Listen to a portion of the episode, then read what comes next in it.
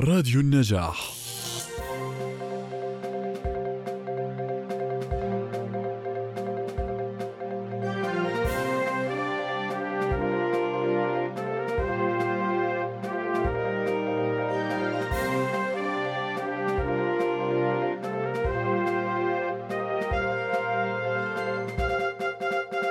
بداية مساء الخير للجميع. والسلام عليكم ورحمة الله وبركاته. تحية طيبة لكل الحاضرين اليوم المعنى الداعمين المستمعين من دارسين وعاملين في المجال التربوي دراسات المرأة ودراسات الجندر الدراسات الأسرية وكل القضايا المتعلقة والمرتبطة أيضا بموضوع الأديان وحوار الأديان. واليوم أنا سعيدة جدا لأنه تتشرف الرابطة العربية للتربويين التنويريين بعقد هذه الندوة الجديدة. وخلق فرصة ومنصة ومساحة للبحث والحوار مع خبراء من العالم العربي. ويسعدني أيضا بأنه هذه الجلسة هي جلسة يعني ربما الأقرب إلى قلبي على الأقل من الصعيد الشخصي وصعيد المهني وصعيد العمل بوصف بكل القبعات التي ألبسها دائما في حياتي اليومية. وهذه الجلسة تحت عنوان العنف ضد المرأة بين العرف الاجتماعي والقيم الدينية. ورح نستضيف يعني متحدثات خبيرات في هذا المجال من العالم العربي. يسعدني جدا أكيد أن أرحب بالدكتورة حسن عبود من لبنان. أهلا وسهلا فيك دكتورة حسن. لو تواجدك معنا اليوم ويعني أن تكوني بهذا الحوار وهي المساحة وهي المنصة لخلق فضاء جديد من النقاش والتعمق أيضا ببعض القضايا الحساسة. شكرا جزيلا. و... بشرفني حبيبتي. أكيد. ولدينا أيضا الدكتورة نادية الشرقاوي من المغرب. أهلا وسهلا فيك دكتورة نادية. فيك. شكرا. شكرا لالتزامك وتطوعك ودعمك دائما المستمر للرابطة وتواجدك معنا اليوم. وللأسف الشديد الدكتورة هاجر التليلي من تونس لم تتمكن من الانضمام. نشكرها جزيلا على الأقل لأسباب طارئة لم تتمكن من التواجد لكن كل الشكر والتحية للدكتورة هاجر التليلي. للأمانة الموضوع يعني من المواضيع الشائكة ونود اليوم تسليط الضوء على بعض القراءات المختلفة العلمية المستندة لكل أدوات المعرفة. وبالنسبة لي الموضوع أعقد من ضعف أو غياب في الرؤية في الخطاب أو قوة من في قراءة خطاب العنف الواقع على المرأة سواء من المنظور الموروث الديني أو من القيم الدينية. هنالك قراءات جوانب مختلفة ولكن كل القراءات في الحقيقة هي زوايا متكاملة لتأطير أعمق وتأطير أوسع لكيف نرى قضايا المرتبطة بموضوع العنف ضد المرأة. وللأمانة القضية لأنها أعمق فقضية حقوق المرأة وقضية العنف الواقع على المرأة لها بعد اجتماعي ثقافي فكري داخل كل بنية اجتماعية وله أيضا أبعاد طبيعة إنسانية تتجاوز حدود البنية المجتمعية الخاصة. ويضاف إلى هذا التشابه له بعد آخر وهو في مجتمعاتنا العربية الإسلامية وهو بعد الدين اللي يمثل أصلا مرجعية شرعية قانونية مستمدة من مرجعيات أخلاقية روحانية واليوم إحنا متواجدين لطرح كل الأسئلة الممكنة أمام المتحدثات وأمام الجمهور. وأعتقد أن هنالك أسئلة شائكة في عالمنا العربي اليوم. ولأن الحوار ما زال مستمر ولأن الواقع أعمق والواقع أصعب في مجتمعنا المدني في فيما يحدث الآن في اليمن سوريا العراق فلسطين وكل الدول العربية وهنالك حوار مستمر حول كثير من القضايا المرتبطة بموضوع العنف بشكل عام والعنف ضد المرأة بشكل خاص فالسؤال الأسئلة الوجودية الأسئلة المنطقية اليوم هل يعقل أن الدين يبرر ويشرعن العنف ضد المرأة وأفراد الأسرة؟ أم هل جاء خطاب العنف في غطاء ديني ما؟ هل هنالك لبس في هذه القراءة؟ من أين نبدأ؟ وكيف نتفهم مستويات القراءة والخطاب نفسه؟ هل نحتاج إلى تأصيل منهج واعي لمسألة تأطير قضايا العنف؟ وهل ما زال محاور العنف ضد المرأة هو جزء لا يتجزأ من خطاب الأزمة الراهن اللي بنواجهه في العالم العربي؟ أعتقد ما زلنا يعني نتساءل نبحث نتقصى نحاول جاهدين إلى إيجاد قراءة متوازنة وما زال الموضوع مرتبط. هل هو مرتبط أيضا فقط بقراءتنا تجاه المرأة وما زال أيضا الرجل في عالمنا العربي يمر بأزم يعني بواقع مرير وعنف مستمر. هل ما زلنا بحاجة أن نفصل المرأة عن الرجل في قراءة العنف في واقعنا العربي؟ وأخيرا وللأمانة يعني كمان جزء من الخطاب الآخر يعني الآن الموجود في الأرض في الميدان في المجتمع المدني في المخيمات في الشارع بأنه هذا القضية لابد لابد نتجاهلها أو نتجاوزها أو في بعدنا اللاواعي بنحاول إنه ما نفتحها لأنه خطاب جدا يعني حساس. ولكن هنالك بعض يرى أن هذا الخطاب المنتج حول المرأة في العالم العربي المعاصر هو خطاب طائفي عنصري. بمعنى أنه خطاب يتحدث مطلق المرأة الأنثى ويضعها في علاقة مقارنة مع مطلق الرجل الذكر وتتحدث هذه العلاقة بين طرفين متقابلين متعارضين يلزم ضرورة الخضوع والإخناع لأحدهم وكأننا في حلبة صراع. معركة لانتصار أحدهما وليس معركة آه، يعني تكاملية تشاركية. وعادة تنفصل قضية المرأة والعنف عن السياق الاجتماعي لمكانة الإنسان كأنه عم نحيد وبنحكي كأنه وصفها نقيض للرجل. قضايا متعلقة شائكة ما زالت مستمرة. اليوم بهاي الجلسة رح نعطي آه، يعني تقريبا لكل من الدكتورة آه، حسن والدكتورة نادية 15 إلى 20 دقيقة لنتعمق في بعض القضايا والمحاور بهذا الإطار وندخل جادين آه، بطرح أسئلة مختلفة وإيجاد قراءة متوازنة جديدة. يسعدني جدا أولا في البداية أن أرحب أكيد بالدكتورة حسن عبود ولمن لا يعلم أو يعرف الدكتورة حسن هي أستاذة جامعية وباحثة آه، في الدراسات القرآنية والأدبية هي من رائدات الأدب العربي المعاصر والتحديات الثقافية. هي أستاذة محاضرة في الأدب النسائي العربي المعاصر في الجامعة الأمريكية في بيروت. آه، حصلت على شهادة الدكتوراه في 2006 في الإسلام والفلسفة الإسلامية دائرة حضارات الشرق الأدنى من جامعة تورنتو في كندا وعنوان الأطروحة كان يتعلق بالسيدة مريم في القرآن الكريم قراءة أدبية. لديها اهتمامات بحثية مختلفة سواء عن السيدة مريم في القرآن الكريم من النص إلى الخطاب أو قضايا المرأة والإصلاح القرآن والأدب نظريات النقد رائدات الأدب النسائي العربي المعاصر ودور المرأة في ترسيخ الحوار الديني والثقافي. لديها العديد من الكتب المطبوعة والأبحاث والمقالات المحكمة التي شاركت فيها في العديد من المؤتمرات والمجلات العلمية المختلفة حول العالم. ولابد من أذكر بس بعض العناوين الرئيسية لبعض المقالات المحكمة من أجل بناء معرفي حول مفهوم القوامة والولاية كيف يمكن للنسوية الإسلامية أن تكون جزء فعال في الدراسات الإسلامية إمامة المرأة للصلاة من يوم الجمعة في حوار الحقيقة من أجل الحياة المرأة في تفكير ابن رشد والعديد العديد من الدراسات المختلفة والندوات المختلفة التي شاركت فيها دكتورة حسن. دكتورة حسن يسعد مسائك أهلا وسهلا. لتواجدك معنا. أنا سعيدة جدا بأنه دائما هنالك منصة للحوار والنقاش. وإذا بدي أبدأ سؤال أنا اليوم جاية من هذا المجتمع المدني جاية من العراق من سوريا من اليمن من فلسطين ودائما السؤال المطروح نواجه أزمة حقيقية في الميدان أزمة لواقع سياسي اقتصادي اجتماعي وآخر. ولكن السؤال المطروح اليوم هل تعتقدي أن ما زال الدين يشرع ويبرر العنف الواقع على المرأة وأفراد الأسرة؟ من وجهة نظرك. المايك لك ديكي. نعم. معك 20 دقيقة وأهلا. وسهلا. شكرا شكرا. أتوجه بالشكر إليك آه، نورة عواد وإلى السيد عبيدة فرج الله على دعوتي الكريمة للمشاركة في الرابطة العربية للتربويين التنويريين.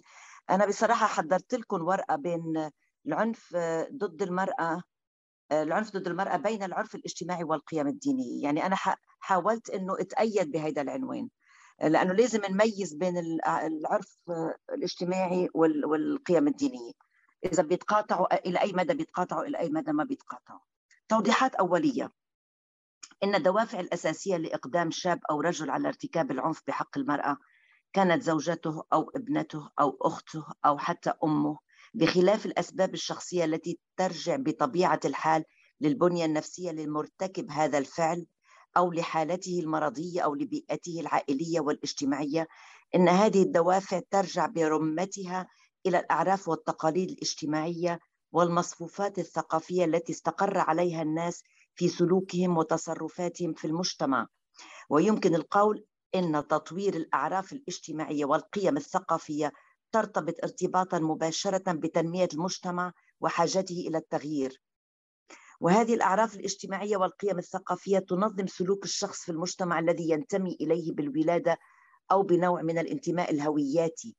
في هذا الصدد سأقدم بعض الأمثلة على هذه الأعراف والقيم التي يتم تشكلها وإعادة تشكلها اجتماعيا في عملية تكوين الشخصية في دوائر معينة.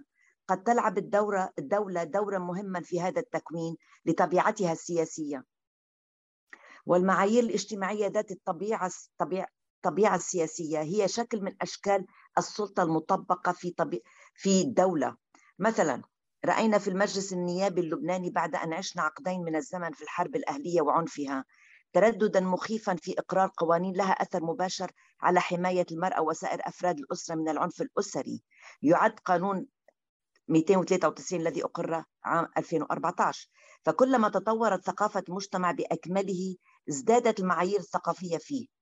وعلى سبيل المثال والعودة إلى الماضي القريب في خطاب السفور والحجاب في مصر أواخر القرن التاسع عشر وبداية القرن العشرين الذي رفعه التنويري, التنويري قاسم أمين في كتابه تحرير المرأة 1899 وكان له هذا وكان له على المتلقين من التقليديين والتنويريين رجالا ونساء وقعا صاعقا.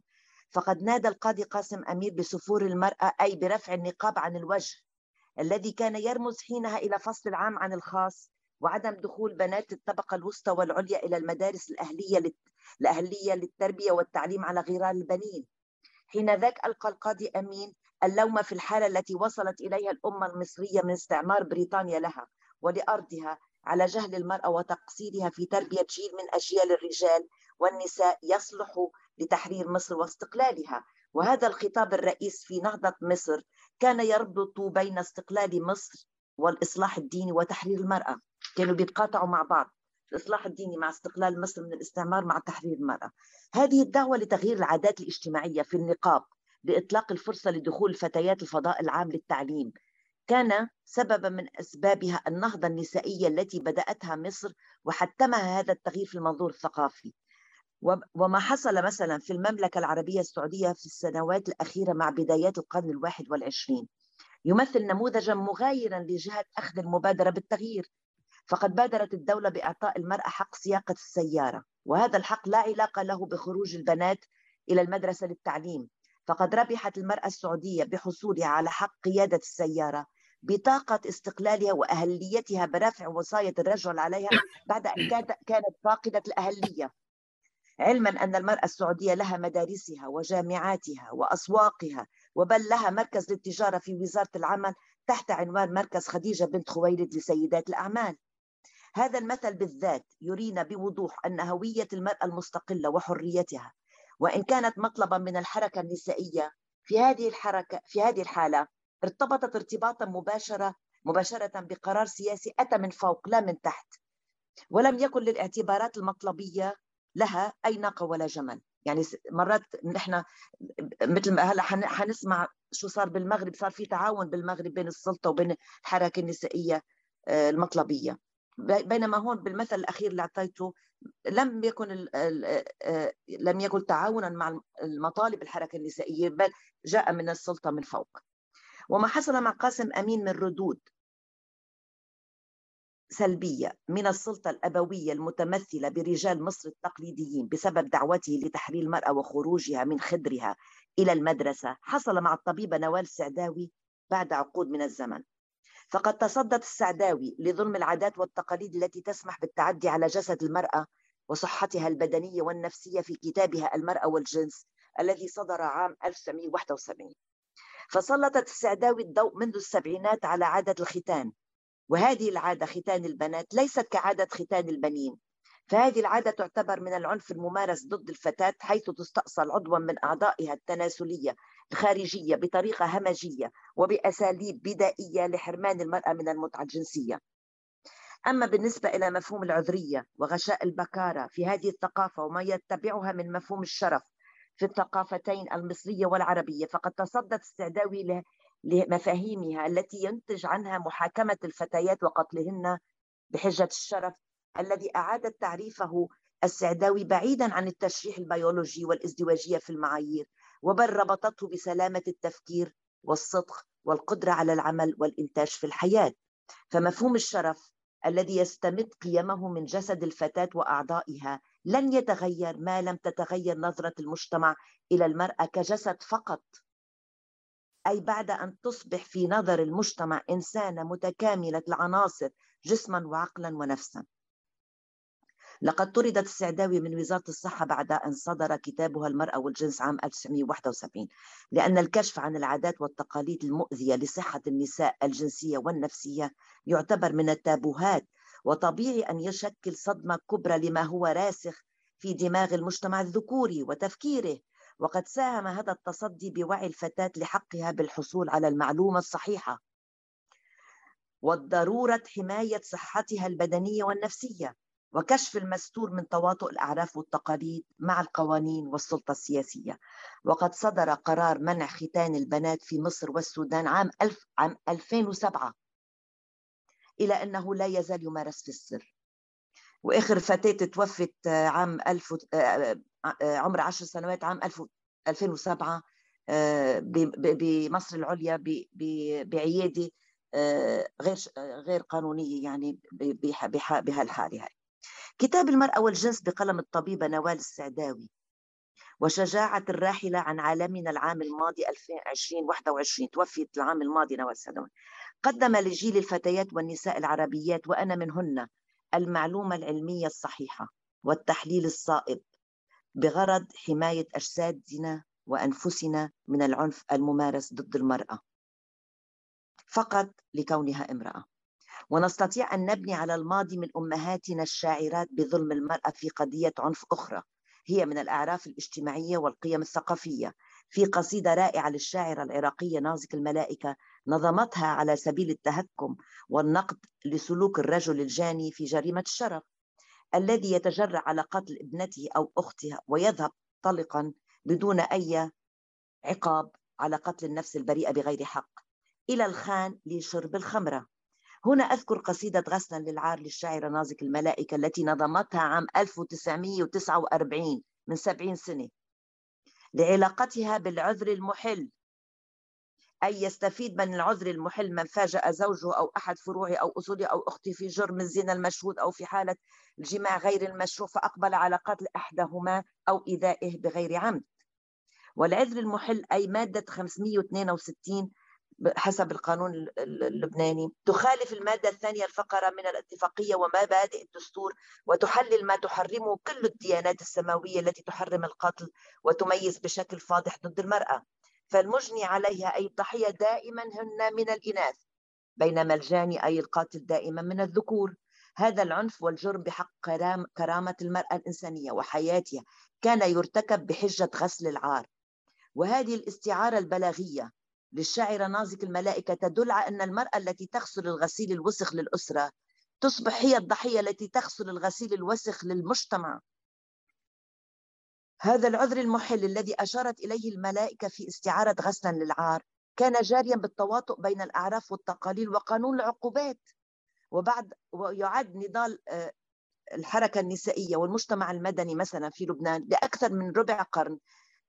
بعد ربع قرن تم إلغاؤه من قانون العقوبات اللبناني في المادة 562 لعام لعام 2011 وأظن الأردن ألغيت العذر المحل أيضا.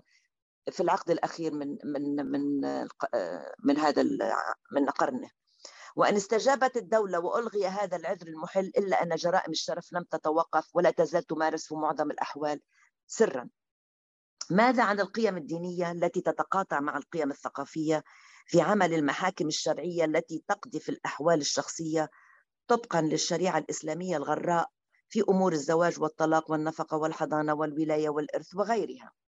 فقد تحفظ لبنان على المادة 16 من اتفاقية السيدا والمتعلقة متعلقة بالزواج والأسرة.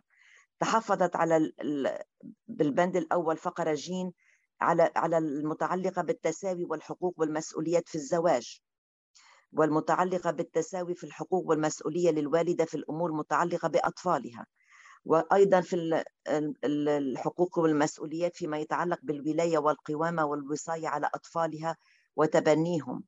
وآخر فقرة المتعلقة بحق اختيار اسم الأسرة. هذا التحفظ فرضته ثنائية القانون المدني حين أخضع الأحوال حين أخضع أخضعت الأحوال الشخصية للقوانين المذهبية سندا للمادة التاسعة من الدستور اللبناني التي تضمن للأهلين على اختلاف مللهم احترام نظام الأحوال الشخصية والمصالح الدينية. هذه القوانين لا تميز فقط بين المرأة والرجل بل بي يعني لما بيكون في قانونين قانون مدني وقانون بيتبع المذاهب الدينية. بصير في وضع لا تميز لا يتميز فيها بين المرأة والرجل بل ولا بين مواطن وآخر.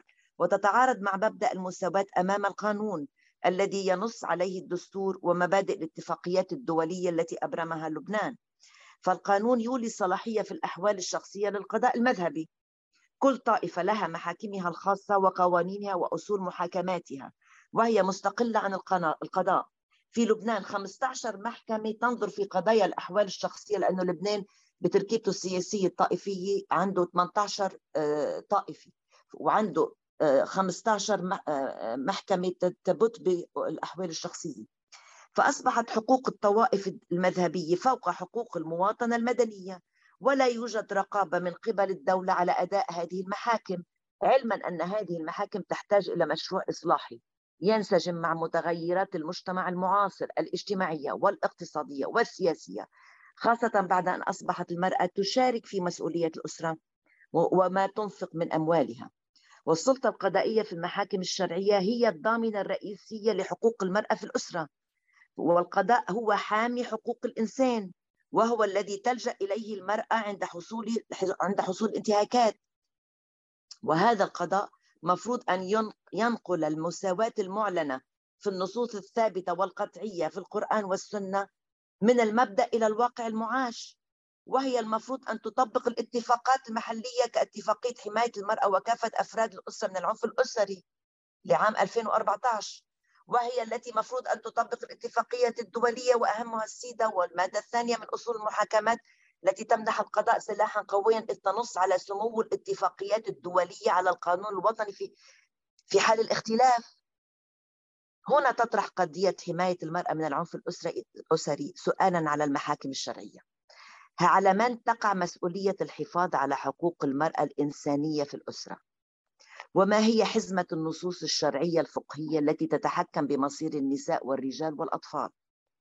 وهل التطبيقات الفقهية والاجتهادات القضاة ينسجم مع القيم الدينية وثقافة حقوق الإنسان مما يساعد على تطبيق ميزان العدالة في الأسرة والمجتمع؟ وأين يقع العنف ضد المرأة؟ في المحاكم الشرعية أم في النصوص الدينية أم في المنظومة الفقهية التقليدية؟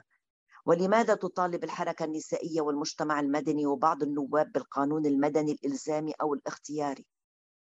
وهنا لابد أن أثني على الإصلاح الذي بدأ في مدونة الأسرة المغربية والذي يعد ثورة بيضاء.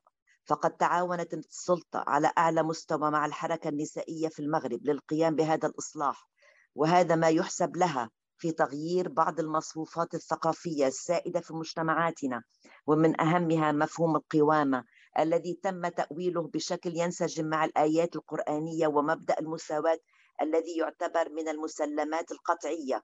وتغير هذا المعنى ليصبح تعريف الزواج لا يرسو على قوامة الرجل على المرأة بل على مسؤولية الزوجين. وقد أفادتنا تجربة المغرب في الطريقة التي تم بها هذا الإصلاح في المدونة.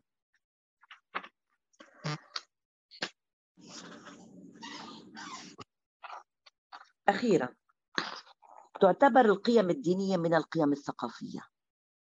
وهناك كليات ثابتة وقطعية تتوافق قد تتوافق مع قيم حقوق الإنسان المعتمدة في معظم الاتفاقيات الدولية التي وقع عليها لبنان وكثير من الدول العربية. هذه القيم الدينية مثل مفاهيم نبذ العنف ضد المرأة نجدها مثلا في القرآن الكريم تتناقض مع مفاهيم تراتبية العلاقات الزوجية مثل القوامة والولاية التي تكرس الممارسات التمييزية.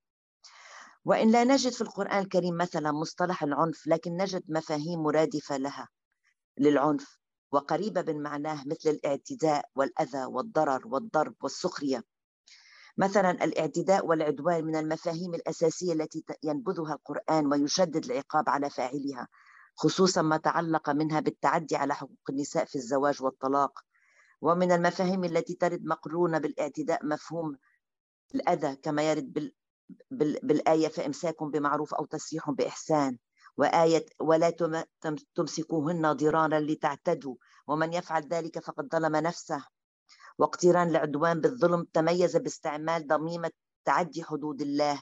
والغالب على مفهوم العدوان الواقع منه على النساء فهو مذموم ومنهي عنه. وهناك مفهوم الأذى الألم النفسي بالتكذيب والاتهام الباطل والإشاعات على مستويات الأذى الجسدي. مثل الناتج عن الحيض فاعتذروا النساء في الحيض أو الألم النفسي الناتج عن التعيير والاتهام بالباطل بالزنا والذين يؤذون المؤمنين والمؤمنات. ومفهوم الضرر ورد في صور تهتم بتنظيم العديد من الأحكام والمفاهيم والتشريعات. اسكنوهن من حيث سكنتم من وجدكم ولا تضاروهن.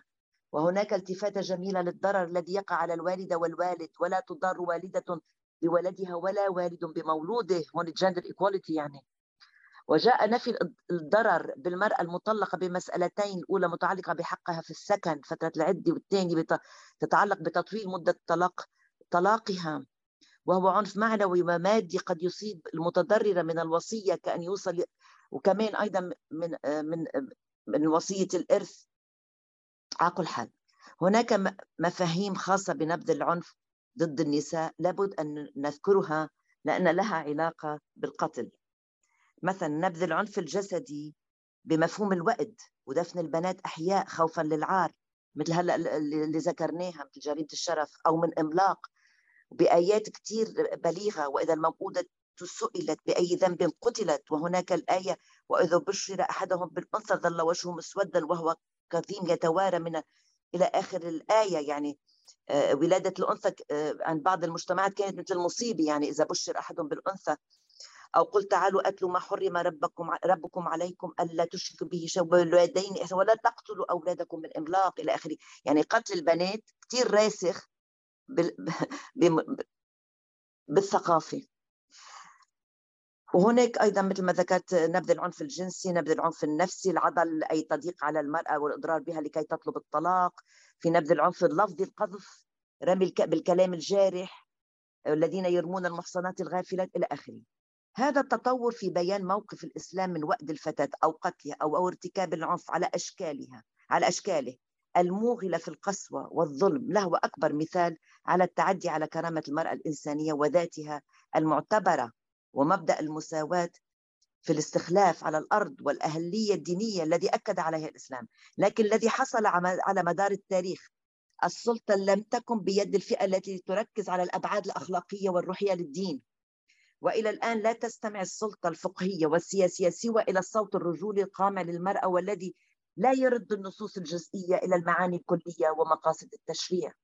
وهذا التراث الفقهي القانوني الذي علق بالإسلام وحدد معالمه لا تزال تعاني منه المرأة في المجتمعات الإسلامية كافة وشكرا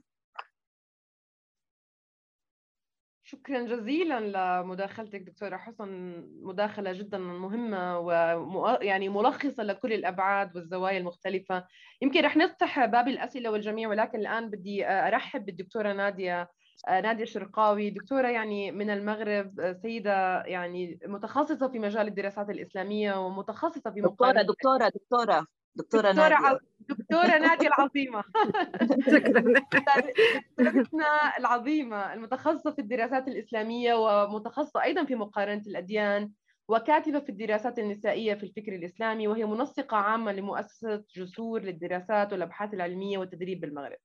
لديها مشاركات عديدة في عدة مؤتمرات وطنية دولية في يعني المغرب تونس الجزائر الأردن ولها أيضا مصر وإلى آخره. وهي أيضا لديها العديد من الكتب المطبوعة آه، من أهمها منهج القرآن في الرد على المخالفين اليهود والنصارى آه، نقد كتاب تثليث الوحدانية ولديها أيضا آه، سلسلة مهمة جدا في تجديد النظر في قضايا النساء في الإسلام ناقضات عقل ودين بين صريح النص استنباطات العلماء وأهمية السياق.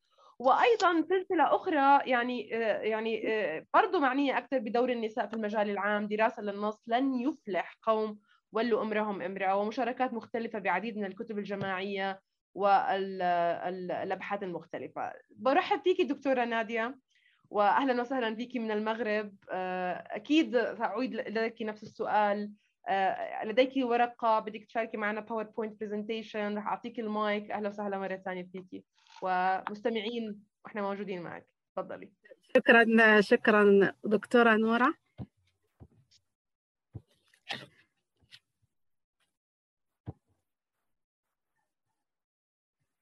المشاركة واضحة؟ شكرا. تمام آه، آه،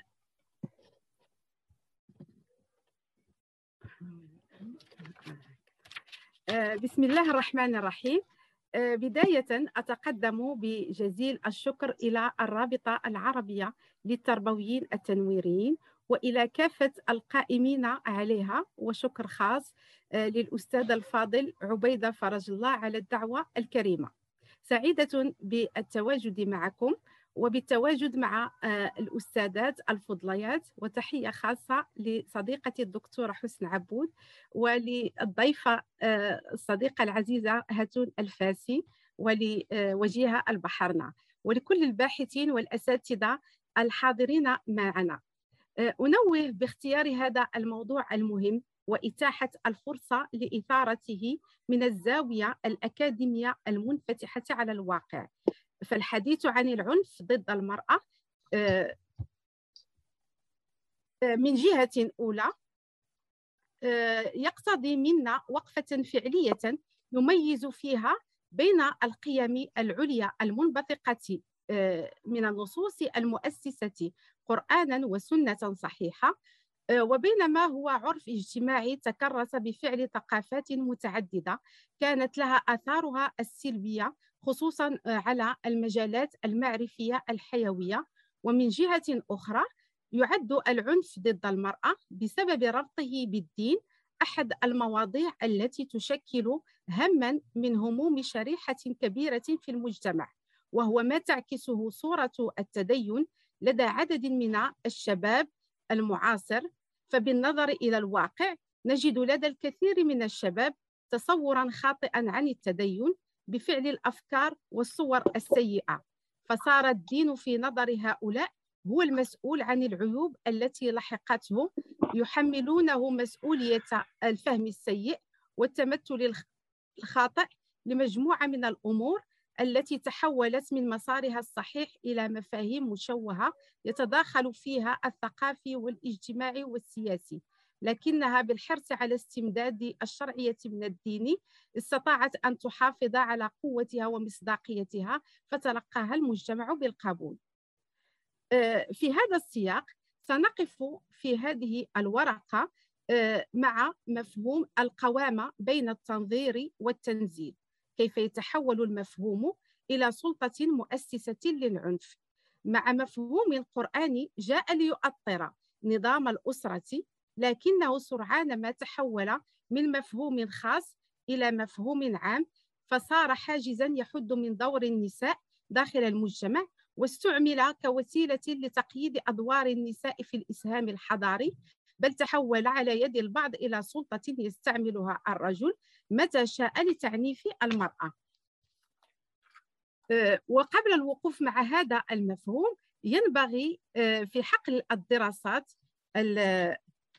الدراسات النسائية الأكاديمية التأكيد على ضرورة تجاوز الرؤية التجزئية إلى الرؤية الشمولية التي قدم بها القرآن الكريم النساء.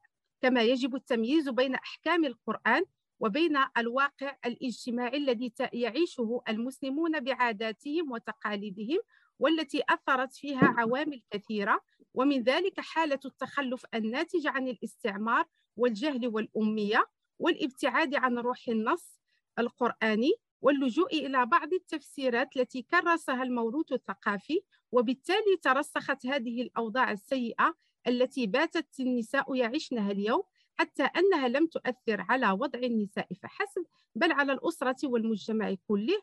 وكل هذه العوامل يجب أخذها بعين الاعتبار عند معالجة موضوع النساء آه، في العالم الإسلامي عموما وموضوع القوامة على وجه الخصوص.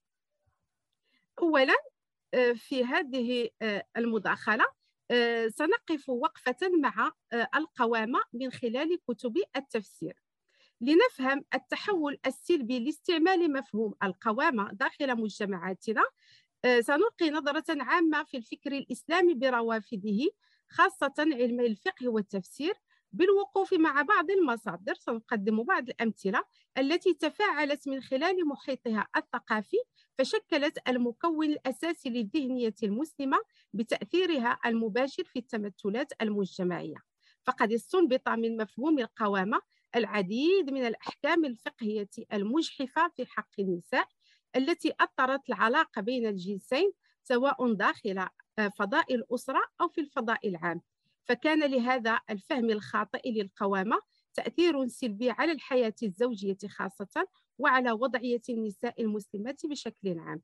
ففي المجال الأسري مثلا على آه، آه، على سبيل المثال آه، توسيع مفهوم الولاية في الزواج بمنع الفتاة من حرية اختيار الزوج وتزويجها قصرا ممن ارتضاه وليها والتعسف في استعمال القوامة على الزوجة من قبيل فرض واجب الطاعة عليها لزوجها مقابل, مقابل نفقته عليها وتقييد حقها في التطليق وفي سحب حق الولاية على الأبناء إلى غير ذلك من الأحكام الفقهية التي ترسخت في الوعي الجمعي واكتسبت نوعا من القداسة باسم الشريعة الإسلامية وقطعية النص الوارد في القرآن حول القوامة والذي لا اجتهاد فيه أو تحت مسميات أخرى من مثل سد الذرائع وفساد الزمان. وبسبب النظرة التجزئية للقوامة آه، منحت للزوج سلطة مطلقة للتعامل مع الزوجة. ومن ذلك منع الزوج لزوجته من الخروج من البيت وفي بعض الأحيان لا يجوز لها أن تتعدى عتبة البيت إلا بإذنه بل لا يجوز لها أن تعود أباها وهو على فراش المرض أو ولدها إلا بإذنه ولا يجوز لها أن تحضر جنازة أبيها أو أمها أو ابنها فبالأحرى الإخوة إلا بإذن الزوج. بل أكثر من هذا فيما يتعلق بزيارتها لأبويها ونحن نعلم ما أمر الله به من الإحسان إلى الوالدين له أن يمنعها من الذهاب إليهم وأن يأتوا إليها. أه، وعند الرجوع إلى التراث الإسلامي نجد الفقهاء والمفسرين قد أفاضوا في تفسير القوامة وأجمع معظمهم على أن القوامة تقرير لأفضلية الرجل على المرأة وأنها تعني أن الرجل أعلى مكانة من المرأة وأن المرأة دونه في هذه المكانة فهو سيدها وعليها طاعته طاعة عمياء حيث إن طاعة الزوج بحسب مفهومهم وتفسيره وتفسيره من طاعة الله بل انتقل هذا المفهوم لدى عدد من المفسرين والفقهاء ليعم الفضاء العام ويؤطر العلاقة بين الرجل والمرأة خارج الفضاء الخاص للأسرة فكرسوا مفهوم التمييز والتراتبية بين الخلق بمقياس الجنس والنوع لا بمقياس التقوى والعمل. وهنا سأعرض بعض أقوال بعض المفسرين القدامى والمعاصرين وأدعوكم إلى الرجوع إلى كتب التفسير للوقوف مباشرة مع هذه النصوص ولا يعني الوقوف مع هذه النصوص إنكار الجهد المبذول من السادة العلماء بل هو تراث نفتخر به وندعو كل من استطاع أن يتحمل مهمة التنقيح والبحث والمراجعة وفق الضوابط التي تحتكم إلى النصوص المؤسسة قرآنا وسنة صحيحة أن يقوم بذلك. وسأكتفي هنا بتقديم بعض الأمثلة. أول مثال آه، سنقف معه آه، وهو مع أحد الأعلام الكبار في علم التفسير وهو الإمام الطبري عند تفسير الآية الكريمة آه، تجدون قوله أمامكم ولاختصار الوقت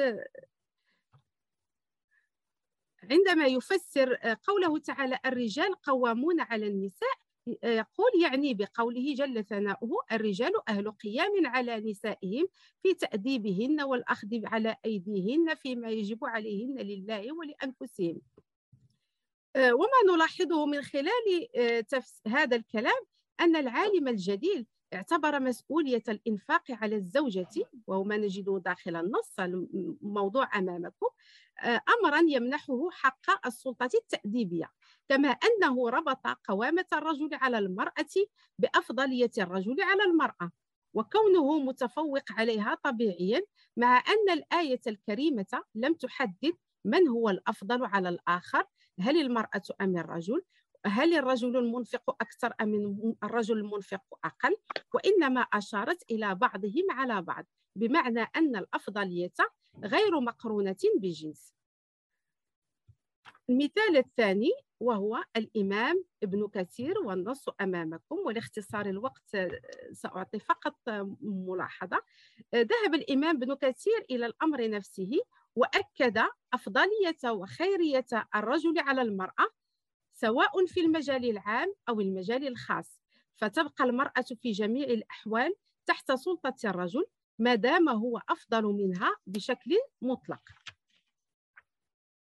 المثال الثالث الإمام القرطبي في تفسيره نجده آه، في نفس في السياق نفسه يفسر القوامة على أنها استبداد بالنظر وتسلط الرجال على النساء بحكم تفوقهم عليهن. وقدم أمثلة على هذا التفوق فذكر منها نقصان عقل المرأة والتفاوت في في أنصبة الميراث بين الذكر والأنثى وغيرها من الأمور. ويكاد آه، ابن فرس الأندلسي وهو من رجال علم التفسير في القرن السادس الهجري يختلف في تفسيره للقوامة عن سلسلة المفسرين الأوائل حيث ربط القوامة بوجوب إنفاق الزوج على زوجته. فمتى عجز هذا الزوج عن أداء النفقة؟ سقطت عن الزوجة قوامة الزوج. وللإشارة فمسألة الإنفاق التي ركز عليها آه، جل المفسرين آه، ليمنحوا للزوج سلطة على الزوجة آه، ربطها وربطها المفسرون بالقوامة. اختلف فيها الفقهاء دون أن يسحبوا صفة القوامة عن الرجل فميزوا بين إنفاق وإنفاق. واعتبروا مثلا أن الزوج غير ملزم بالإنفاق عن علاج زوجته في حالة المرض وحصروا النفقة فقط في المأكل والمشرب والمسكن والملبس في حدود الاستطاعة. هذه آه، بعض النماذج التفسيرية آه، التي تعكس اجتهادات المفسرين القدامى في البحث عن المعنى الحقيقي للقوامة تراعي ظروف العصر والعادة والعرف وتتميز تفسيرات بعض العلماء المعاصرين في حصر القوامة في تدبير شؤون البيت وربطها أساسا بالرعاية والإنفاق.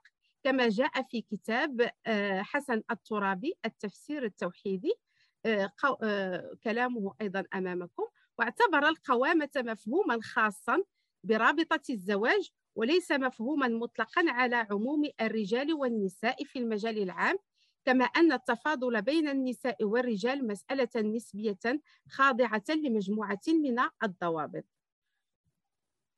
وتقف الدكتورة عائشة الحجامي مع آية القوامة وبالمناسبة آه، فهي حاضرة معنا آه، آه، تعتبرها خاصة بتنظيم العلاقة الزوجية أساسها الإنفاق أو المسؤولية المادية إذ لا يمكن إطلاقها بشكل عام على الولاية العامة لأن الولاية العامة جاءت فيها آية قرآنية صريحة. توضح المسؤولية المنوطة بالرجل والمرأة المتمثلة في أمانة الاستخلاف ومسؤولية الأمر بالمعروف والنهي عن المنكر والمذكورة في قوله تعالى والمؤمنون والمؤمنات بعضهم أولياء بعض يأمرون بالمعروف وينهون عن المنكر ويقيمون الصلاة ويؤتون الزكاة ويطيعون الله ورسوله أولئك سيرحمهم الله إن الله عزيز حكيم. لتخلص الدكتورة عائشة في الأخير إلى أن آية الولاية آية تقرر المساواة في تولي الولاية المتبادلة بين عموم المسلمين وعموم المسلمات وتنيط بالجنسين معا مسؤولية الأمر بالمعروف والنهي عن المنكر اللذان هما مدار مقاصد الشريعة وتساوي وتساوي بينهما في الأحكام. ويحدد آه، محمد سعيد رمضان البوطي رحمه الله حدود القوامة كما نص عليها القرآن الكريم. فيزيل ذلك المعنى الذي ارتبط بها والذي جعل منها سلطة في يد الرجل يتحكم بها في المرأة متى شاء ليصير معناها رعاية وإدارة بيت الزوجية. لا يستحقها إلا الإنسان الذي تتوفر فيه الكفاءة للقيام بأعباء المسؤولية الملقاة على عاتقه وهو ما يتماشى مع قول النبي الكريم عليه الصلاة والسلام كلكم راع وكلكم مسؤول عن رعيته. ثانيا القوامة من خلال النظرة الشمولية للقرآن بخلاف المحاولات التي سعت إلى تأكيد آه، تكريس دونية المرأة وترسيخ الأفضلية المطلقة للرجل على المرأة وإعطاء الأحقية له في القهر والتسلط على المرأة وتعنيفها تحت غطاء شرعي يشير القرآن إلى أن الرجل والمرأة جسد واحد متآلف فيما بينه. في قوله تعالى هو الذي خلقكم من نفس واحدة وجعل منها زوجها ليسكن إليها لا يمكن لأحدهما أن يستغني على الآخر. وبإلقاء نظرة شمولية في النص القرآني آه، آه، على حضور النساء باعتباره أساس الاستمداد والاستنباط. نجد تميز الخطاب القرآني في تحرير الإنسان من جميع قيود وأغلال العبودية والاستعباد وتوجيه خطاب يناهض أشكال التمييز والعنف حيث تعامل مع المرأة بإنصاف تمتعت في ظل مبادئه بالمرتبة ذاتها التي يتمتع بها الرجل فلم يفرق بين الرجل والمرأة في الجنس بل أكد عدم التمايز بين الذكر والأنثى فقال تعالى يا أيها الناس إنا خلقناكم من ذكر وأنثى وجعلناكم شعوبا وقبائل لتعارفوا إن أكرمكم عند الله أسقاكم إن الله عليم خبير فداخل المنظومة القرآنية تستقل المرأة بشخصيتها عن الرجل وتسهم في إدارة شؤون الحياة. باعتبار هذه الأخيرة مشترك إنساني لا يمكن أن يسير بجزء من الكل بل آه، وفق الآية القرآنية والمؤمنون والمؤمنات بعضهم أولياء بعض. فنجد أن القرآن تعامل مع الناس رجالا ونساء بميزان العدل ولم يميز بين فئة على فئة بل جعلهم سواسية وأناط مسؤولية آه، تحمل أعباء الرسالة الإلهية آه، ومسؤولية أدائها على أحسن وجه إلى الرجل والمرأة معا. لقوله تعالى إنا عرضنا الأمانة على السماوات والأرض والجبال فأبين أن يحملنها وأشفقن منها وحملها الإنسان إنه كان ظلوما جهولا. ليعذب الله المنافقين والمنافقات والمشركين والمشركات ويتوب الله على المؤمنين والمؤمنات وكان الله غفورا رحيما. فالمسؤولية مشتركة بين النساء والرجال. ولندرك أن القوامة أمر خاص بدائرة الأسرة فقط لا تتعداها إلى ما سواها. فليس لقوامة الرجل على المرأة وجود إلا في الآية الكريمة التي سبق ذكرها آه، في كتب الوقوف معها في كتب التفسير. أما باقي الآية الآيات القرآنية التي تنظم علاقة الرجل بالمرأة خارج إطار الزواج هي تؤكد المسؤولية التكليفية لكليهما سواء في الواجبات الإيمانية أو التعبدية أو المالية أو الاجتماعية. ثالثا القوامة والقيم المؤطرة لها في القرآن. آه، من خلال الرؤية الشمولية للنساء داخل النص القرآني يمكننا الانتقال إلى الحديث عن مفهوم القوامة باعتباره مفهوما قرآنيا انبثقت منه أحكام مختلفة ينبغي تصحيح بعضها والرجوع بها إلى الأصل ولا يمكن الحديث عن القوامة داخل القرآن إلا باستحضار مجموعة من القيم التي تتأسس عليها مؤسسة الزواج في التشريع القرآني ومن ذلك الميثاق الغليظ. فالذي يعني وهما يعني الرباط والعهد والعقد الذي يشد طرفين إلى بعضهما بعضا بمحض اتفاق بينهما.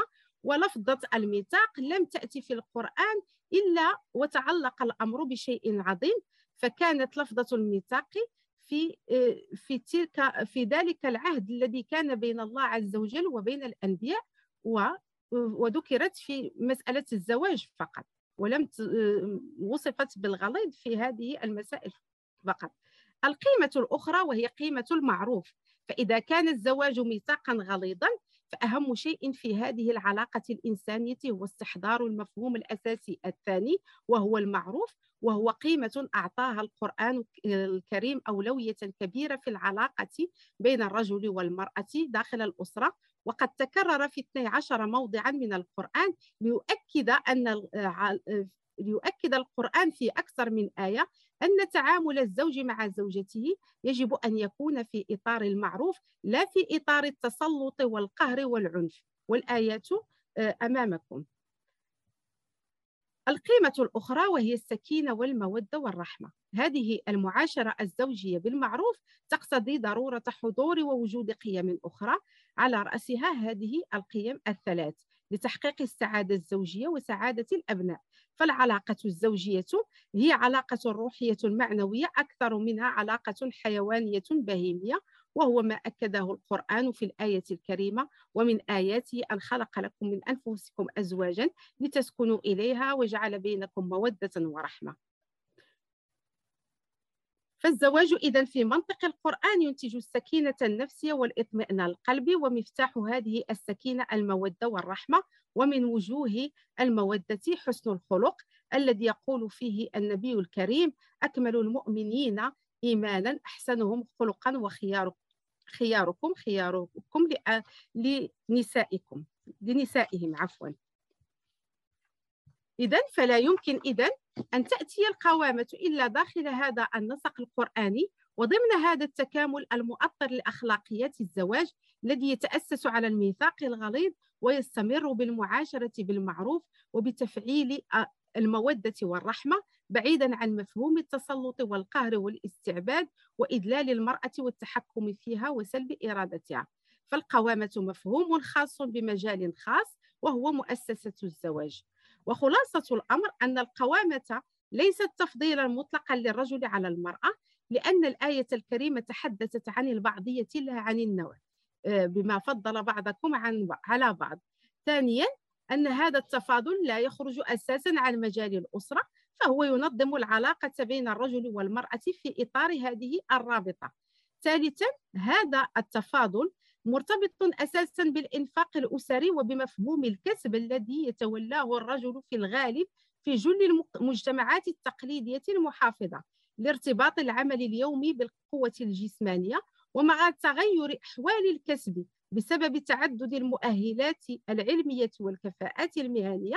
كما في وقتنا الراهن فقد يتحول الإنفاق إلى الأكثر قدرة آه، فقد يتحول آه، إلى إلى الأكثر قدرة على الإنفاق وبذلك ترتبط القوامة بمسألة القدرة لا بالذكورية لأن الأسرة رابطة تقوم على تضافر الجهود من كلا الزوجين. وقبل أن أختم آه، لابد من التنبيه إلى مجموعة من الأمور. أولا علم التفسير علم متجدد يتجدد بحسب الزمان والمكان واكتشاف معاني القرآن يرتبط بمدى إلمام المفسر بكثير من المستجدات التي تخضع لتجدد الآليات المساعدة على الإدراك ودقة النظر.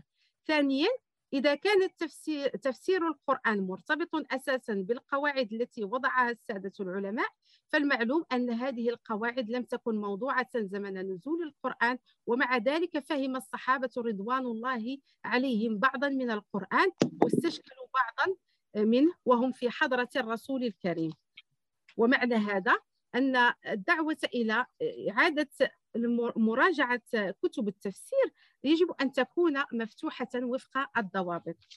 آه، وفي الأخير أنبه إلى أمر مهم هو أن غياب المرأة المسلمة آه، عن مجالات المعرفة وانغلاقها حول الذات ترك مساحة كبيرة لوجود تفسيرات منحازة إلى الرجل على حساب المرأة وهمشت المرأة وجعل وجعلت لها أدوارا ثانوية ووظائف تكاملية بالنسبة لموقع الرجل. ويفسر هذا الغياب ما تعرضت له المرأة من التهميش بسبب تماثلات مستمدة من الأعراف والتقاليد أثرت بشكل سلبي على واقع المرأة وأعادتها إلى أوضاع حررها منها الإسلام. ونبي الإسلام محمد عليه السلام الذي جسد التحرير القرآني للمرأة في أرض الواقع بكلامه وأفعاله واعتبرها مسؤولة مثلها مثل الرجل. لا فرق بينها وبينه إلا بميزان التقوى. وفي الأخير أشكركم ولحسن آه، استماعكم والأخذ وقت آه، أظن كافي لتقديم المحاضرة.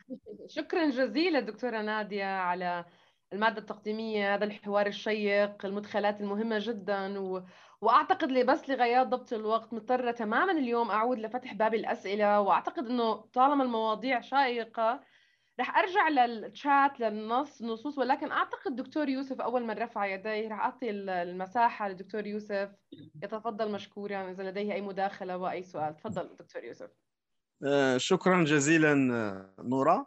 أنا فقط يعني أشكر الرابطة على كل حال لانها هي التي أعطتنا هذه الفرصة للنقاش وأشكر فضيلة الأستاذتين المحاضرتين محاضرتين عفوا فضيلة الاستاذ الدكتور حسن عبود التي شرفتنا أكثر من مرة بمحاضراتها الشيقة وأيضا الدكتورة نادية الشرقاوي. أنا أحب أن أشير آه، فقط إلى إلى مسألة علاقة الأحكام عموما أو المواقف عموما آه، بالواقع فمسائل أو العنف الممارس ضد المرأة بكل أشكاله كما ذكرت حسن الدكتورة حسن عبود من القتل أو منع من ممارسة الأنشطة العامة أو حرمانها من أبسط الحقوق آه، حتى تلك التي اتخذها الفقهاء في أحكامهم الفقهية.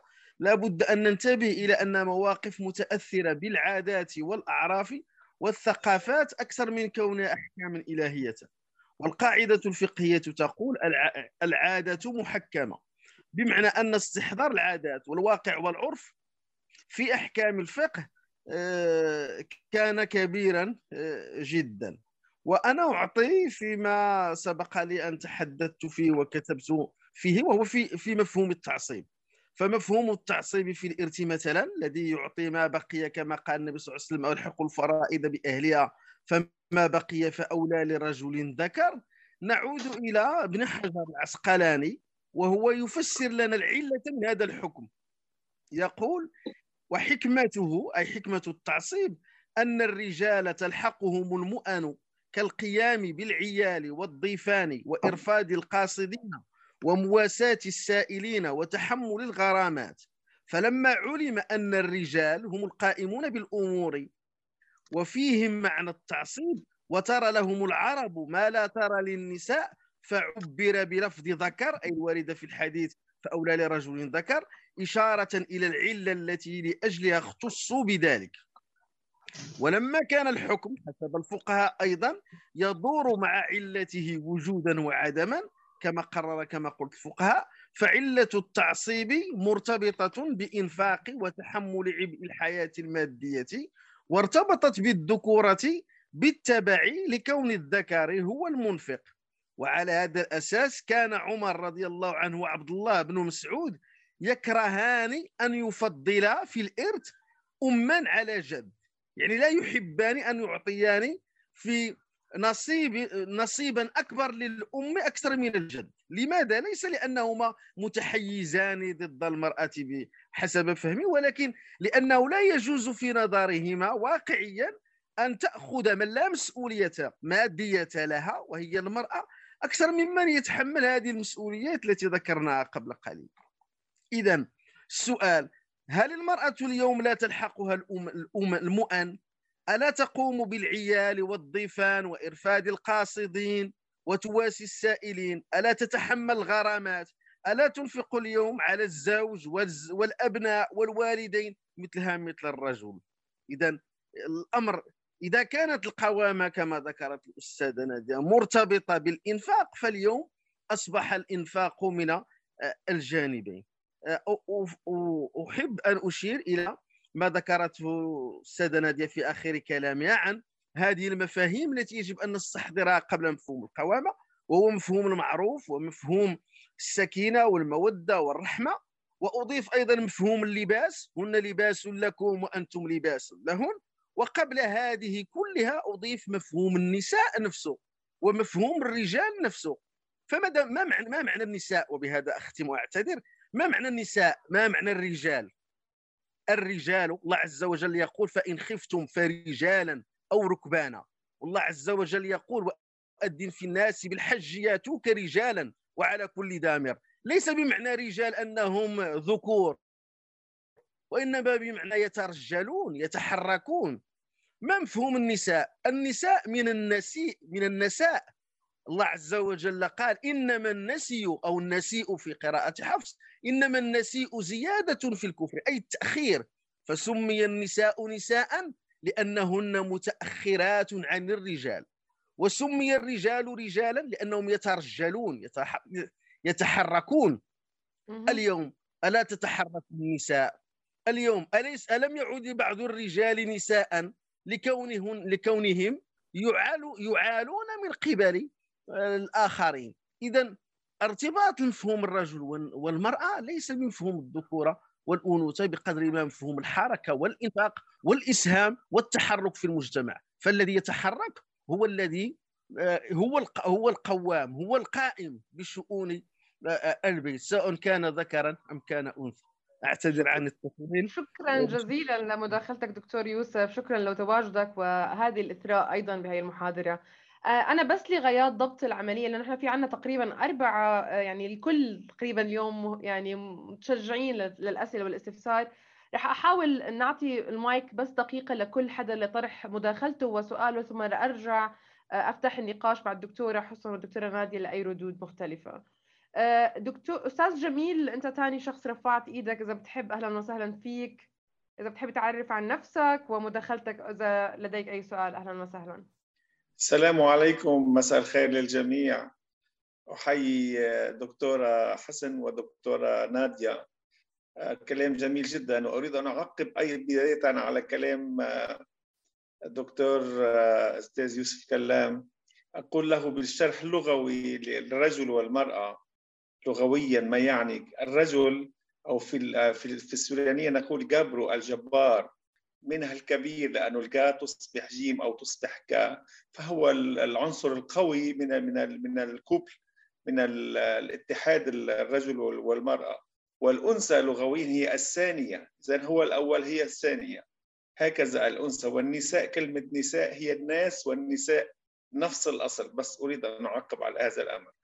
أهنئ جدا آه، الدكتورة الدكتورة حسن. وأريد أن أقول لها وأيضا نفس الكلام أوجهه للدكتورة نادية. أفترض لولا نقرأ القرآن ونفسره بطريقة لغوية بالعودة إلى الأصول اللغوية القديمة ربما آه، نخفف جدا من المحاضرة التي ألقتها دكتورة نادية. وأريد أن أوضح بعض الشيء كمان وأثني على كلام دكتورة حسن. بداية مثلا العنف في القرآن يعتمدون على الآية الكريمة. واضربوهن فاهجروهن في في المضاجع واضربوهن. إذا هنا فليس فاهجروهن في المضاجع اجروهن أي أي لموهن وليس اضربوهن وسطوهن أي قوموهن أي أعطوهن النصيحة. إذا هنا القرآن الكريم لا يجيز ضرب المرأة ولو اختلف العلماء في قصة الضرب. وأريد أن أقول الكلام نفسه أيضا لهذه لشرح كلمة القيمون على النساء. القيمون عندنا نحن في في المنهج الرهباني في لبنان. المسؤول عن المال في الدير يسمونه القيم. القيم هو المسؤول المالي والرجل هو لأنه في المجتمع الزراعي القديم الرجل هو من يسافر هو من يتعب هو من يدخل المال. تغير الوضع في الوضع الحالي. لكن القيم هو المسؤول المالي هو المسؤول عن البيت لأجل الصرف وإلى ما هنالك. هذه لغويا هذه كلمه قيم. وشكرا لكم. شكرا جزيلا أستاذ جميل لمداخلتك أنا في التراتب عم بمشي ولكن أكيد لدينا سؤال ومداخلة من الدكتورة وجيهة. أهلا وسهلا فيك دكتورتنا. المايك لديك تفضلي. شكرا جزيلا. شكرا لكل من الدكتورة حسن وأيضا آه، الصديقة العزيزة آه، الدكتورة نادية. سوف أعلق على آه، مسألة القوامة. أنا أتفق مع ما ذكر بأن القوامة آية القوامة تتحدث عن العلاقة الزوجية بشكل خاص أي أنها ليس لها علاقة بالرجال والنساء خارج هذه العلاقة. وبذلك قوامون القرآنية لا علاقة لها أيضا بولاية الرجال على النساء فهذاك منحى آخر. أما مفردة قوام الرجال قوامون فهي على وزن فعال. وهذا يعني أن الرجل القوام هو آه، فعال قائم على أمور آه، الإنفاق على زوجته. وهذا آه، مفهوم القوامه أيضا مفهوم يستوجب الفعل والنشاط. هذا فيما يتعلق بالنسبة إلى القوامة.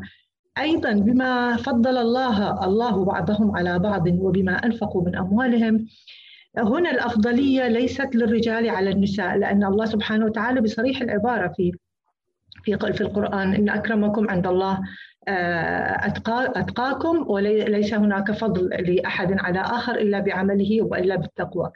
هنا في هذه الآية الأفضلية تكون لبعض الرجال القوامين.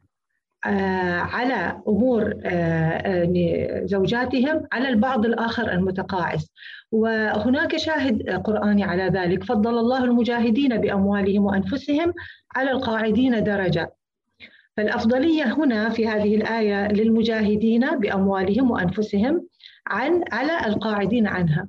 وكذلك كيف يكون الرجل أفضل من بني جنسه من من الرجال؟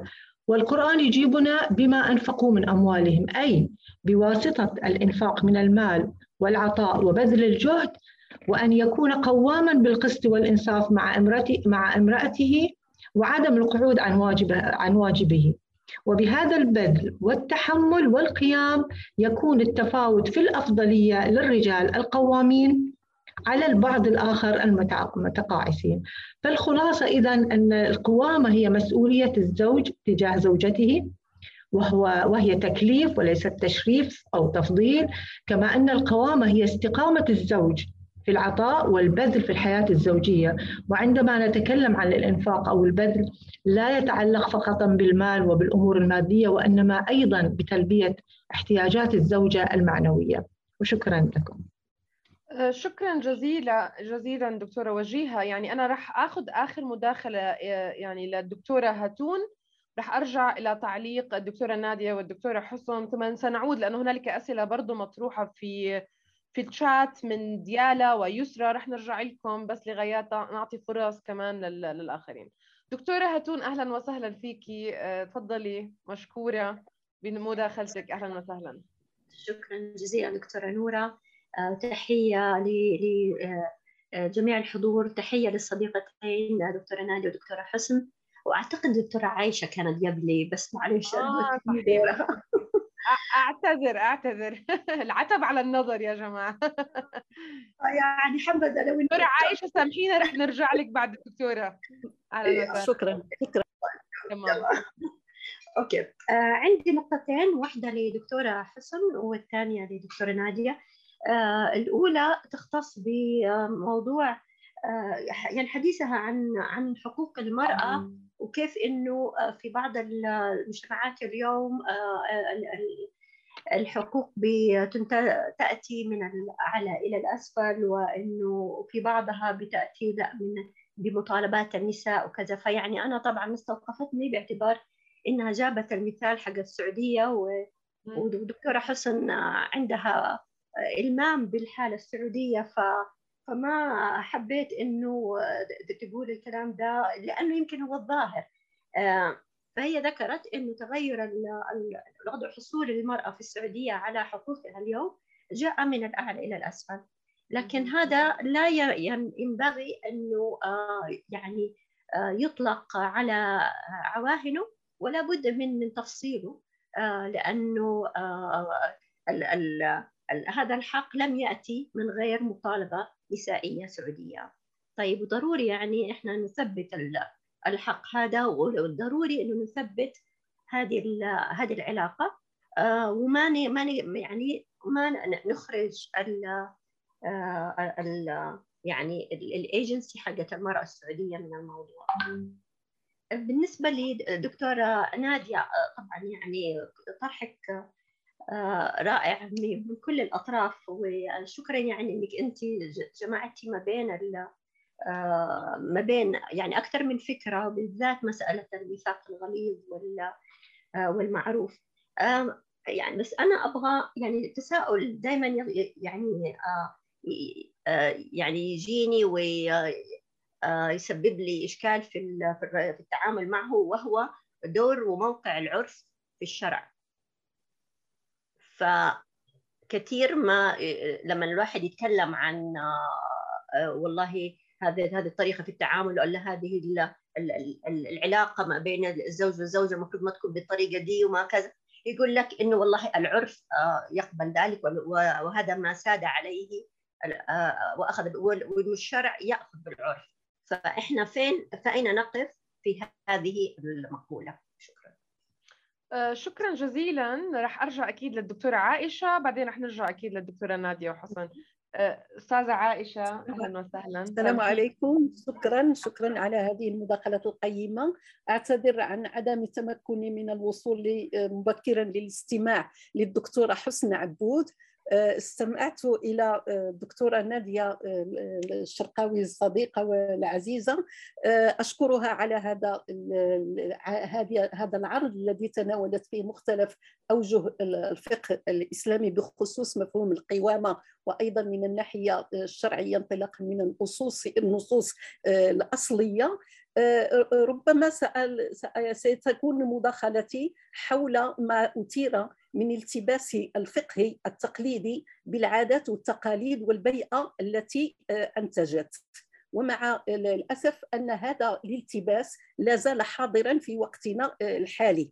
وهنا أشير إلى بحث قمنا به في إطار شراكة بين الأمم المتحدة للنساء والرابطة المحمدية لعلماء المغرب حول مفهوم القوامة من ناحية يعني المجتمعية وتناولنا فيها يعني عينة من 2400 مشارك نساء ورجالا بالتساوي في مختلف بقاع المملكة المغربية وكانت النتائج مفزعة حقيقة لأنها تدل على استمرارية هذا الالتباس بين مفهوم الشريعة آه، والعادات والتقاليد وأعطيكم فقط نموذج يعني بعض النماذج من هذه النتائج التي خلصنا آه، إليها والتي تمثل مدى تأثير هذه العادات والتقاليد.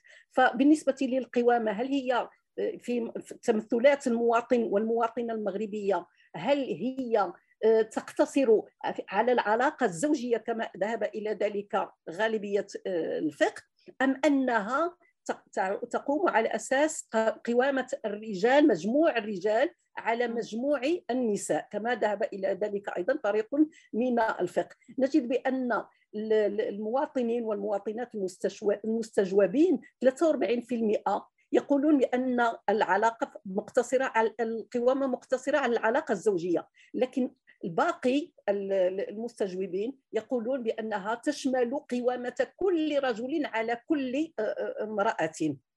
بالإضافة إلى ذلك نجد بأن المواطنين والمواطنات يرفضون إسناد سلطة القرار داخل الأسرة للنساء اللواتي ينفقن رغم أن أكثر من 90% من المستجوبين يعتبرون بأن النساء يساهمن في الإنفاق على الأسرة سواء عن طريق العمل المنزلي أو عن طريق الأجر الذي يحصلن عليه في عملهن خارج المنزل. والغريب هو أن 81% من المستجوبين يقولون بضرورة مساهمة المرأة في النفقة على الأسرة. لكن 64% يقولون بأن هذا لا يعني أن القوامة يمكن أن تنتقل إلى المرأة أو أن سلطة القرار يمكن أن تنتقل إلى المرأة. وال يعني تبرير هذه الإجابات هو أن هناك مساس بهيبة الرجل داخل المجتمع. إذا فالسبب الأساسي الذي يحضر هو الرجوع إلى وضعية الرجل داخل آه، المجتمع. والسبب الثاني هو أن في ذلك الأمر خروج عن التقاليد والأعراف. أما المخالفة للشريعة الإسلامية فتأتي في الدرجة الثالثة. إذا هنا نلاحظ لخبطة المستجوبين مواطنين وأعتبر بأن المواطنين والمواطنات في المغرب يمثلون يعني المواطنين في باقي الدول العربية لأن الأمر لا يختلف بين المغرب وباقي الدول العربية والإسلامية أن هناك حضورا للتقاليد والأعراف أكثر من حضور الشريعة وبالأحرى الشريعة في مفهومها التنويري. شكرا لكم. شكرا جزيلا دكتورة عائشة. أنا يعني آه، متبقي فقط عشر دقائق من ورح ننتهي يعني لجلستنا. أنا بعتذر شكل الموضوع جدا شيق دكتورة حسن ودكتورة نادية. رح أرجع لعندكم وإذا عندكم أي ملاحظة مداخلة على ما سمعتم من يعني من المشاركين اليوم.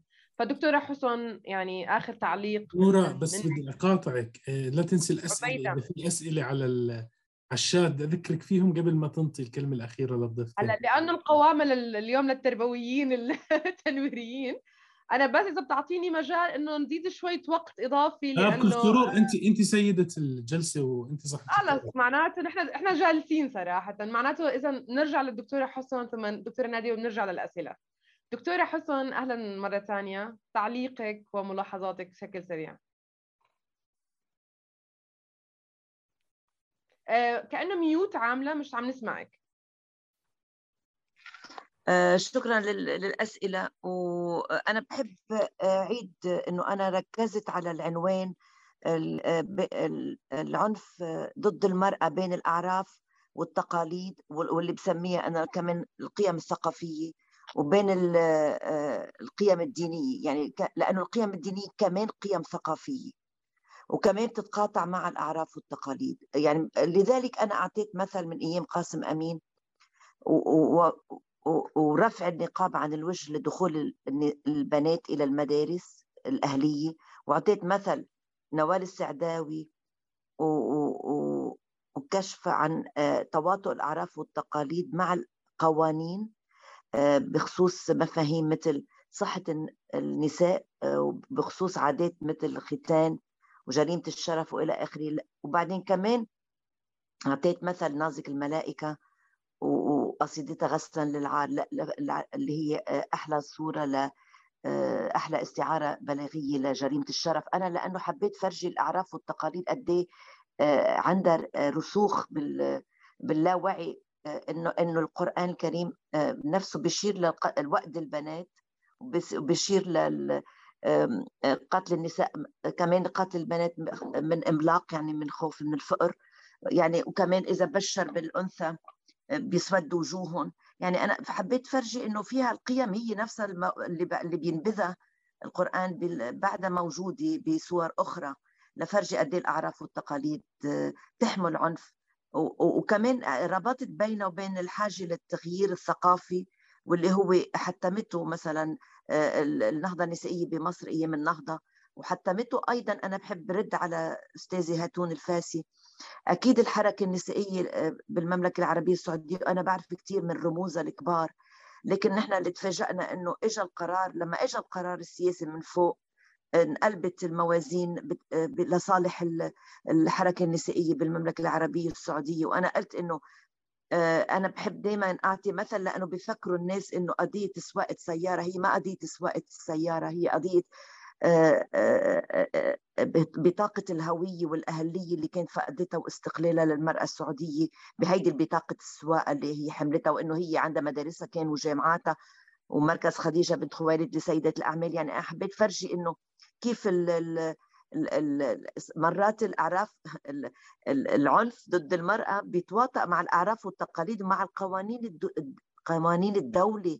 إنه ليه تأخرنا هالقد بالمملكة حتى تكسب آه، المرأة السعودية اللي هي متعلمة وعندها جامعاتها وعندها تجارتها وعندها بنوكها حتى عندها مصارفها. كان في وومن بانكينج نطرنا حتى يجي لأنه في تواطؤ بين الأعراف والتقاليد وال وال وال وال والدولة يعني قرار سياسي هو. بعدين عرجت أنا على قضية الأحوال الشخصية بلبنان لأنه نحن عندنا 15 محكمة بتقضي بين لأنه البلد نظامه بالدستور بيترك بيترك كل شؤون الأحوال الشخصية للمحاكم المذهبية وما إلى ما إلى رقيب عليها. وهي أنا كنت عم بقول إنه مثل ما قالت كمان زميلتنا الأستاذة نادية آه، الشرقاوي آه، مثلا الفقهاء ما ما بيفكروا بالمبادئ الكلية اللي بالقرآن اللي جابها القرآن وروح القرآن التطوريه والمبادئ الكلية اللي هي المبدأ المساواه بالدرجة الأولى. ما بيربطوا الكليات القطعية أو كل جزء بيردوه للكليات. الفقهاء بيشتغلوا بحرية بقلب المحاكم الشرعية. يعني القضاء المرأة اللي بدها تدخل المحكمة لقضية بتخص الطلاق أو أو الحضانة أو النفقة أو إلى آخره ممكن إنه كثير حسب مزاج القاضي وحسب آه، قد إيه هو بيتعاطف مع مع المرأة أو أو بيقدر يسمع للرجل ضد مثلا إنه يمارس العنف ضد المرأة. وشفناها كثير نحن بأمثلة بلبنان حتى لدرجة إنه العام الماضي نائب بالبرلمان اللبناني لحق طليق بنته آه، على الطريق لأنه تعد آه، يعني صار هو لحق لحق بنته طليق بنته لحقها بالسيارة فهو النائب بالبرلمان اللبناني لحق طليق ابنه واخذوا على المخفر وقصوا بإجره. واستقال من مجلس النواب. وعندي قصص وحالات كثير كثير قد إيه يستهان بالمرأة وقد إيه ممكن إنه القاضي يعني الأمر متروك ما في مراقبة على المحاكم الشرعية للأسف. والفقيه مثل ما قال الفقيه الكبير أحمد الخنبيشي يعني عنده ازدواجية بالتقليدي يعني اللي ما عم بيجدد يعني بيآمن بقطعية العقل. لكن ما بيامن بحق المرأة بالتعليم وإنه تكون قاضية مثلا. هي معروفة من التراث إنه في عندنا في عندنا ما بيربطوا الجزئيات بالكليات. إنه إذا أنا بأمن بعدم تعطيل العقل كيف ما بأمن إنه المرأة فيها تكون قاضية أو فيها تكون قاضية ما عندنا قضاة بالمحاكم الشرعية قاضيات. عندنا كثير نصف القضاء المدني نساء بلبنان لكن ما عندنا قاضيات بالمحاكم الشرعية. وهذا بتفرق كثير اذا إذا دخلت المرأة في في سلك القضاء التشريعي. بس لكن أنا كمان أثنيت على تجربة المغرب بالإصلاح لأنه تعاونت السلطة من فوق مع الحركه وسمعت للحركه الحركه الحركة المطلبية النسائية سمعت لها. ما بس تقعد مع يعني وأنا دائما راجعت العمل اللي ذكرته الأستاذة عائشة الحجامي إعادة تأصيل مفهومي القوامه والولاية اللي أنا كثير وقتها أثار انتباهي كيف بيقعد تقعد بيقعدوا الأمين العام للرابطة المحمديه للعلماء بيقعد مع الفقيه أحمد الخمليشي مع مركز الدراسات والبحوث في القضايا النسائية في الإسلام مع حركة مساواة الدولية. بيقعدوا مع بعض ليناقشوا القوامة والولاية. إنه نحن ناقصنا كمان تواضع الرجال إنه يقعدوا معنا الرجال المسؤولين إنه يجوا يقولوا نحن عم نقعد مع الحركة النسائية.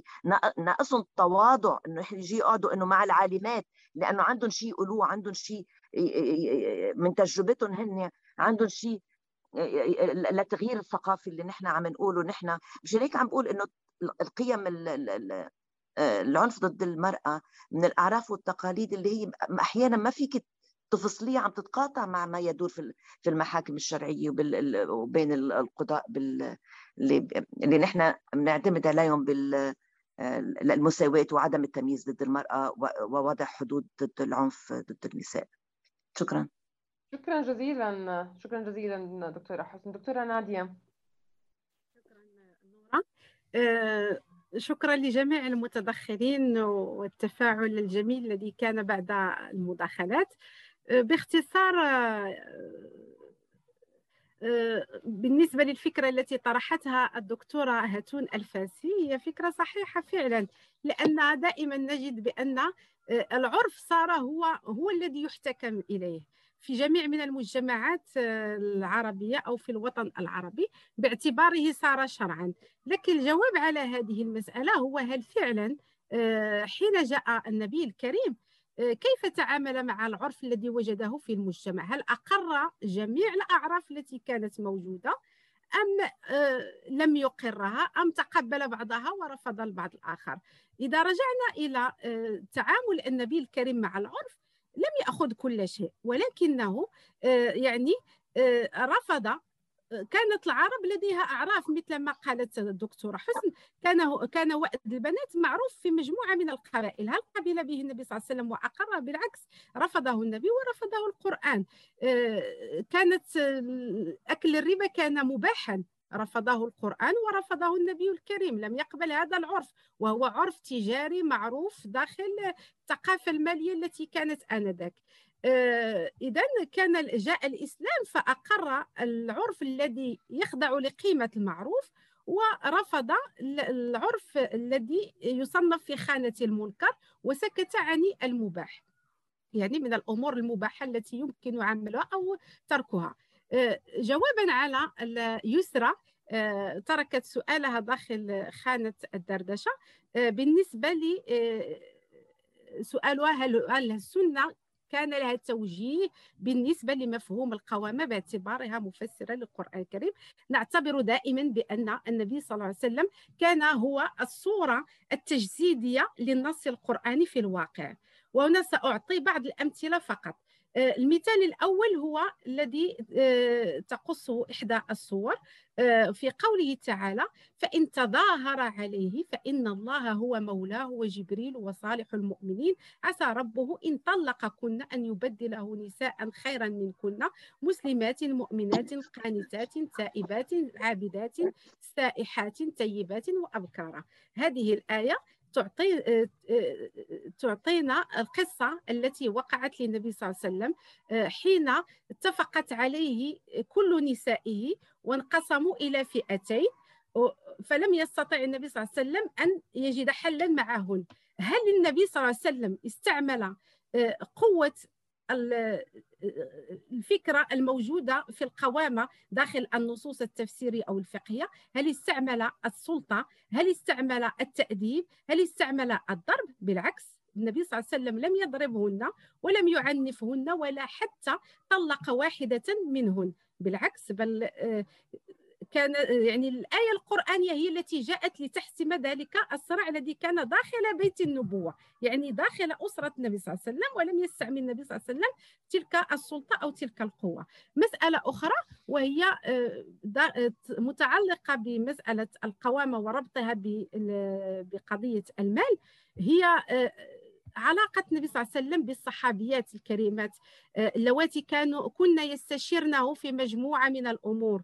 ربما اليوم تتحرج مجموعة من النساء آه، أن تسأل عنها أو يعني مجرد أنها تسمع فتوى فهي آه، تتوقف عند تلك الفتوى. لا تعرف بأن الفتوى تخص الزمان والمكان وتتغير بالزمان والمكان. يعني ربما هذه الفتوى تصلح هنا في الرباط ولا تصلح في في مدينة أخرى من مدن الوطن العربي على سبيل المثال. ومن الأمثلة القوية هنا التي أود أن أقدمها هو ما وقع للصحابية رائطة زوجة عبد الله بن مسعود. عبد الله بن مسعود لم يكن يشتغل ولم يكن له مدخول مالي يصرفه على بيته. وكانت هي التي تعمل وهي التي تبيع صنعتها وتتقن صناعة اليد. فكان لها مدخول تصرفه على بيتها وعلى زوجها. وحين سمعت النبي صلى الله عليه وسلم يشجع النساء على الصدقة استشارته فقالت له آه أنها ما ما تملكه من المال كيف لها أن تنفق على بيتها وتتصدق منه؟ فأشار عليها النبي صلى الله عليه وسلم آه، بأن ما تنفقه على بيتها هو في حد ذاته هو يعتبر صدقة لأنه لا يمكن أن أن أن تترك بيتها بدون نفقة وتنفق خارج خارج البيت. آه، أظن دكتورة آه، نادية كمان سؤال مطروح من الأستاذة داليا على نعم. رأي الفقه الشيعي في القوامة إذا هناك أي مداخلة بهذا الإطار نعم سأعطي فقط إشارة يعني مختصرة بالنسبة لهذا الأمر آه، أولا كما هو معروف يعني بالنسبة لنا آه، يعني ننطلق من المرجعية التي ننتمي إليها لأننا نريد أن نصحح فعلا على أرض الواقع. عندما ننتمي إلى إلى إلى جغرافيا معينة وإلى مرجعية معينة يجب أن نعمل على تغيير تلك الجغرافيا التي نتواجد فيها ونصحح الأفكار الخاطئة التي نتواجد فيها. يمكن أن نستعين بالفكر الشيعي وبالفقه الشيعي لكن ربما ربما لن لن يعني عندما مثلا أشتغل على الفقه الشيعي لا أعرف أمهات كتب الفقه الشيعي مثلا المصادر المعتمدة. ولكن ما أعرفه هو أن هناك مجددون فعلا داخل المنظومة الفكرية الشعريه الشيعية عفوا مثل حسن الصفار مثل يعني هناك أعلام معاصرون مجددون لهم اجتهادات قويمة ويعتمد عليها. وشكرا دكتورة نورة. بارك الله فيك. شكرا جزيلا دكتورة نادية على مداخلتك والإجوبة أعتقد إذا تقريبا نحن غطينا كافة الأسئلة المطروحة. بدي أتأكد إذا كان في أي أسئلة من المشاركين قبل عملية إغلاق. عبيدة أهلا وسهلا. طيب تسمحي آه، تسمحي لي السؤال إيه كونه غطيته على ال... اولا بدي أشكر أنا ضيف ضيفاتنا يعني العزيزات على هذا الإثراء ولكل الضيوف الذين شاركوا الك نورة طبعا على إدارة هذه الندوة الرائعة حقيقة والتي قد تكون يعني الأكثر مشاركة وحيوية من الفعاليات اللي عقدناها عبر الزوم. وهذا يدلل على أهمية المرأة وما يخصها. أنا في سؤال إجرائي. لعله ننطلق في الرابطة والشركاء وال يعني في الرابطة والمؤسسات المعنية في هذا العمل ونقل الحراك الفكري إلى الفضاء العام. اليوم يعني كلتا ضيفتينا ذكرت قراءات تنويرية حقيقية. كان للدين مسار إيجابي وقراءة تنويرية تجاه المرأة. يعني دكتورة حسن عبود عددت ما لا يقل عن عشر قيم من القرآن الكريم تحث على احترام المرأة وتمنع العنف ضد المرأة وتعزيز مكانتها. وهذا من النص القرآني الذي يحترمه ويقدسه كل المسلمين وجلهم. ف ونفس الشيء ما تفضلت فيه الدكتورة نادي عندما عملت هذه المقاربة لمفهوم القوامة بين وبينت أيضا كيف أن المنظومة الفقهية أو المدونة الفقهية اتجهت لتعظيم بر الزوج الذي لم يذكر في النص القرآني أمام بر الوالدين الذي يعني كان له مساحة عظيمة وضع بدرجة ثانية تحت التوحيد والإيمان بالله عز وجل. أن هناك إشكاليات في المدونة الفقهية أو الاجتهاد التشريعي. وأسأل هنا السؤال دكتورة نادية ودكتورة حسن أنه هل فشلت الحركة النسوية في بناء خطاب يواجه هذا العنف ضد المرأة؟ خطاب من رحم هذا الموروث الديني. يعني بمعنى قبل أن يعني نحمل يمكن الناس دائما يعني بقول لك يمكن 90% من الحركات التقليدية أو السلطة التي رفضت سيداو لم تقرأ سيداو. ولم خلص هناك انطباع عام أنها كذا وكذا وكذا فبالتالي رفضت. لماذا لم يتم؟ أو ربما تم ما بعرف أنا هذا أطرح السؤال حتى يكون في عندنا إجراء تنفيذي لاحقا. أن يكون هناك مدونة قيمية من رحم هذه النصوص والموروث الديني لتقول انظروا ماذا يقول القرآن هنا لأنه هذا لم لم يعلم في المدارس علم في المدارس المدونة الفقهية التي كانت ذكورية بامتياز. أزمتنا اليوم أزمة تربوية لأن ما أنتج في القرون السابقه من المدونة الفقهية ظل يستخدم اليوم في إطار التربية والتعليم للأسف ومن ثم أصبح جزءا ضخما من الفضاء العام. فلم ي... وإن أصبح هناك تجديد فقهي إلا أن الفضاء العام بقي مغلقا على الإنتاجات الفقهية السابقة والقديمة. وهذا طبعا يعني هو سؤال دائم نطرحه إحنا في الرابطة. كيف لنا أن تخترق هذه الاجتهادات وهذه القراءات التنويرية الفضاء العام من جديد لتحل محل القراءات؟ الذي لا أريد أن أقول قراءات يعني مختلفة وقديمة وكانت لزمان ومكان ليست ربما قد تكون بعضها غير صالح. لهذا اليوم. فهل هناك محاولات ولماذا لم تحدث إن لم يكن؟ شكرا جزيلا عبيدة. أه بدك أبدأ أنا بالإجابة أكيد. دكتورة حسن تفضل نعم نعم.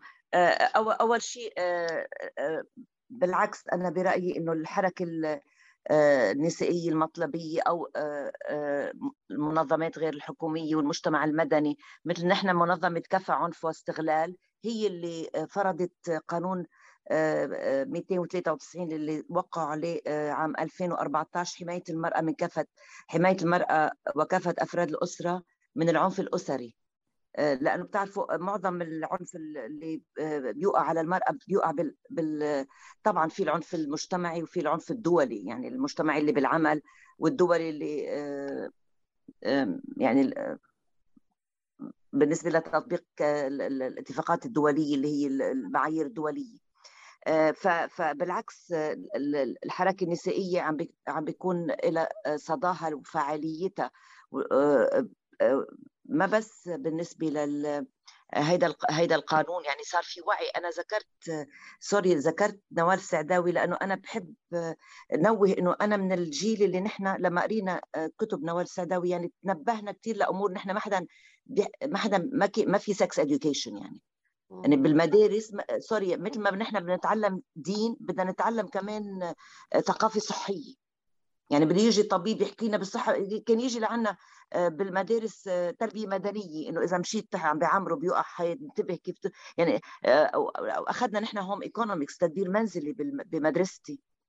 بس إنه المفروض كمان نحن ما كان ثقافة حقوق الإنسان ما كانت واردة. لكن اليوم نحن مثل هاي الثقافة الوعي بالنسبة لصحتنا وحمايتنا من العنف بالمدرسة اللي هو بده يكون مقرر بالمدرسة مع مع ال home economics لا sorry للبنت مثل للصبي مش بس للبنات. الشباب يتعودوا الشباب يتعودوا للعنف الجنسي والعنف النفسي وإلى آخره. فأنا بفتكر إنه لا الحركة النسائية وبعدين أرجع أرجع كمان اذكر تجربة المغرب لو ما الحركة النسائية المطلبيه بالمغرب ما كانت مدونة الأسرة اللي هي تطوير لمدونة الأحوال الشخصية واللي نحن عقدنا مؤتمر آه، بلبنان عام 2017 وطلعت أعماله عام 2020 حول مكتسبات المرأة المغربية التشريعية. مع الزميله آه، زميلتي آه، نسا عمور إذا هي موجودة معنا اليوم. فعملنا وجبنا حكينا عن مكتسبات المرأة المغربية بالتشريع وهيدا كان استجابة للحركة النسائية المطلبية العلمانية. يعني نحن لازم دائما نعترف نعترف لبعضنا بمساهمات بعض.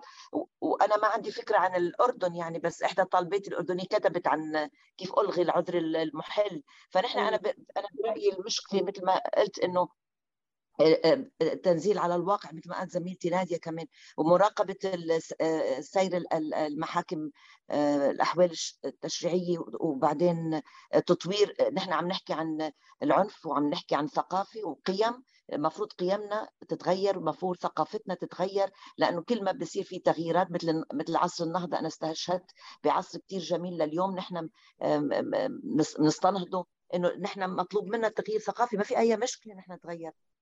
شكرا. تمام. شكرا جزيلا دكتورة حسن. دكتورة نادية. شكرا.